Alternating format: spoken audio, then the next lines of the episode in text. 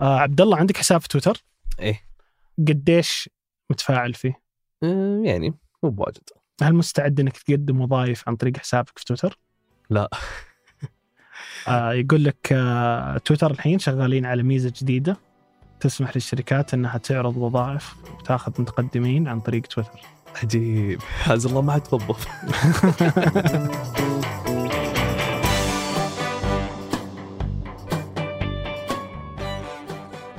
هذا بودكاست الفجر من ثمانية بودكاست فجر كل يوم. نسرد لكم فيه سياق الأخبار اللي تهمكم. معكم أنا عبد الله الغامدي. وأنا إبراهيم القرعاوي.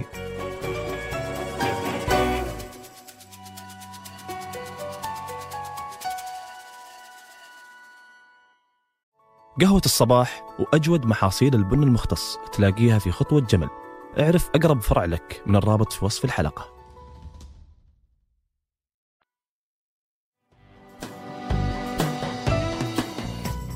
قبل 70 سنة من اليوم وبالتحديد في 1949 أسس ماو زيدونغ جمهورية الصين الشعبية وبنفس السنة قدم للعالم عملته الجديدة اليوان الصيني.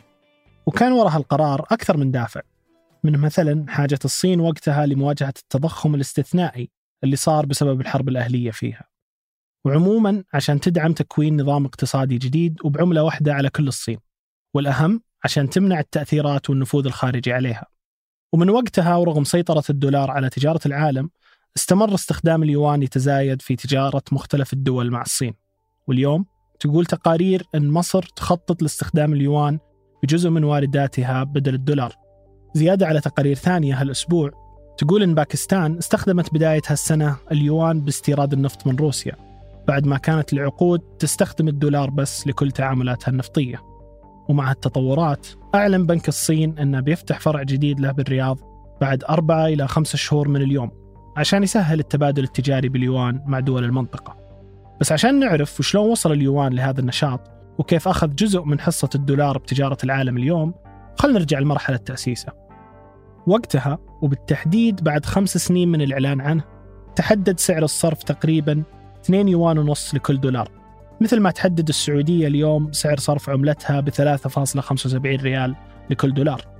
فيبقى سعر الصرف مستقر وما يتأثر بتغيرات السوق. لكن بعدها في السبعينات والثمانينات تحرر وصار ممكن يتذبذب ولكن كان تغير سعر صرفه بسيط ومحدود.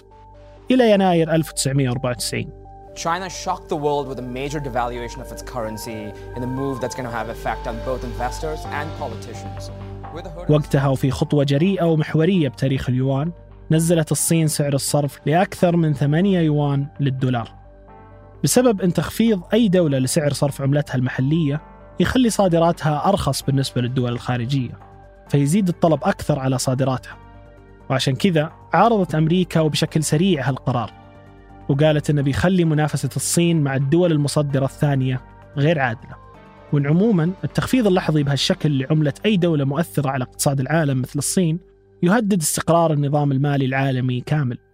لكن ورغم مطالبات أمريكا وأكثر من دولة ثانية بإلغاء القرار كملت الصين فيه بدون أي تغيير. عشان كذا بدأ الكونغرس في أول تحرك ضد اليوان في 2005 مع اقتراح أكثر من عضو في مجلس الشيوخ فرض ضريبة بأكثر من 27% على كل واردات أمريكا من الصين. لو ما عدلت سعر صرف اليوان للسعر اللي يشوفونه عادل.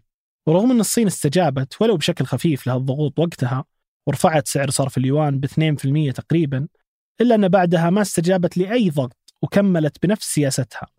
ومع الأزمة المالية عام 2008 بدت سياسة مختلفة وجديدة. Lehman Brothers is going bankrupt, and financial markets from Asia to Europe are doing their utmost to prevent Monday from turning from dark to black. قبل الأزمة كان الدولار العملة الوحيدة المضمونة والسهلة للتعاملات التجارية حول العالم.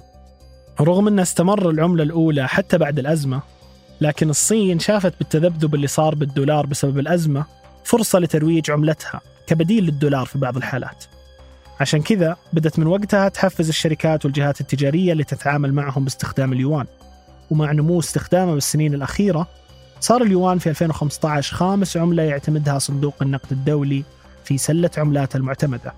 وبعدها دخل اليوان في مرحلة تطورات سريعة مع بداية الحرب التجارية بين الصين وأمريكا.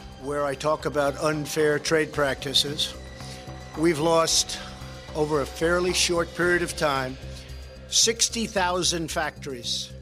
مع ارتفاع حدة التوتر التجاري بين أمريكا والصين خفض البنك المركزي في 2019 سعر الصرف بأعلى وتيرة من عشر سنوات ووصل وقتها لسبعة يوان للدولار. مباشرة بعدها صنفت أمريكا الصين بأنها دولة متلاعبة بالعملة وزادت من إجراءاتها وضرائبها على وارداتها من الصين. بالفترة اللي بعدها اتفقت الصين مع أكثر من دولة حول العالم لاستخدام اليوان بدل الدولار بتعاملاتهم التجارية. بدأت مع الأرجنتين والبرازيل ووصلت بعدها لأكثر من دولة آسيوية مثل كوريا الجنوبية وأندونيسيا وسنغافورة. وبالشهور الأخيرة انضمت باكستان لهالدول مع احتمال دخول مصر بهالاتفاقية بالفترة الجاية حسب أكثر من تقرير. ومع كل هالتطورات والنمو باستخدام اليوان زادت حصته من التعاملات التجارية بالعالم لأكثر من الضعف بس في الثلاث سنوات الأخيرة. لكن مع كذا يقولون المحللين أن ولو كان نمو حصة اليوان كبير وملحوظ إلا أنها باقي صغيرة جدا مقارنة بالدولار اللي يمثل اليوم الحالة 60% من الاحتياطات النقدية حول العالم. بينما نسبة اليوان بآخر التقديرات ما زادت عن 3% وإن في سياسات معينة تسويها الصين ضعفوا بشكل كبير من نمو تقبل باقي العالم لليوان. مثل تحكمها المبالغ فيه بأسعار الفائدة للقروض وأسعار الصرف. ولو تخلت الصين عنهم بالفترة الجاية بيزيد عدد الدول اللي ممكن تستخدم اليوان بتجارتها. وبالذات مع الصين. ومعها بتزيد حصة اليوان أكثر من التجارة العالمية.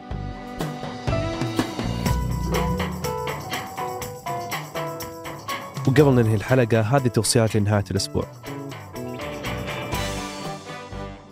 في التاريخ يروي الدكتور محمد الحفني بكتابه زرياب حكاية الموسيقار الأندلسي زرياب واللي اشتهر بإسهاماته الكبيرة في فن الموسيقى وكان أول شخص ابتكر آداب الطعام واستعرض في الكتاب قصة حياته وشخصيته مع عرض حياة الأندلس الاجتماعية وأدق تفاصيلها. وفي قصر الثقافة بحي السفارات بالرياض تقيم الهيئة الملكية لمدينة الرياض احتفالية منقنيار واللي هي عبارة عن عرض موسيقي لأربعين مغني وعازف مجتمعين لعزف سيمفونية موسيقية من التراث الهندي القديم. ومن بداية عرضها ب 2006 مرت على أكثر من مدينة حول العالم. وبتبقى بالرياض هالأسبوع إلى السبت 17 يونيو. وعن السينما وصناعتها تغطي النشرة السينمائية من ثمانية أخبار وتطورات السينما حول العالم.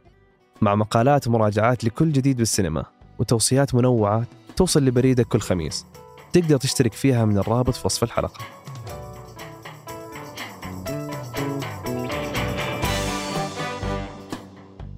أنتج هذه الحلقة تركي البلوشي ورهف العصار.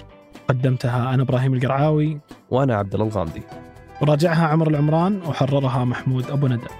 نهاية أسبوع سعيدة. نشوفكم فجر الأحد.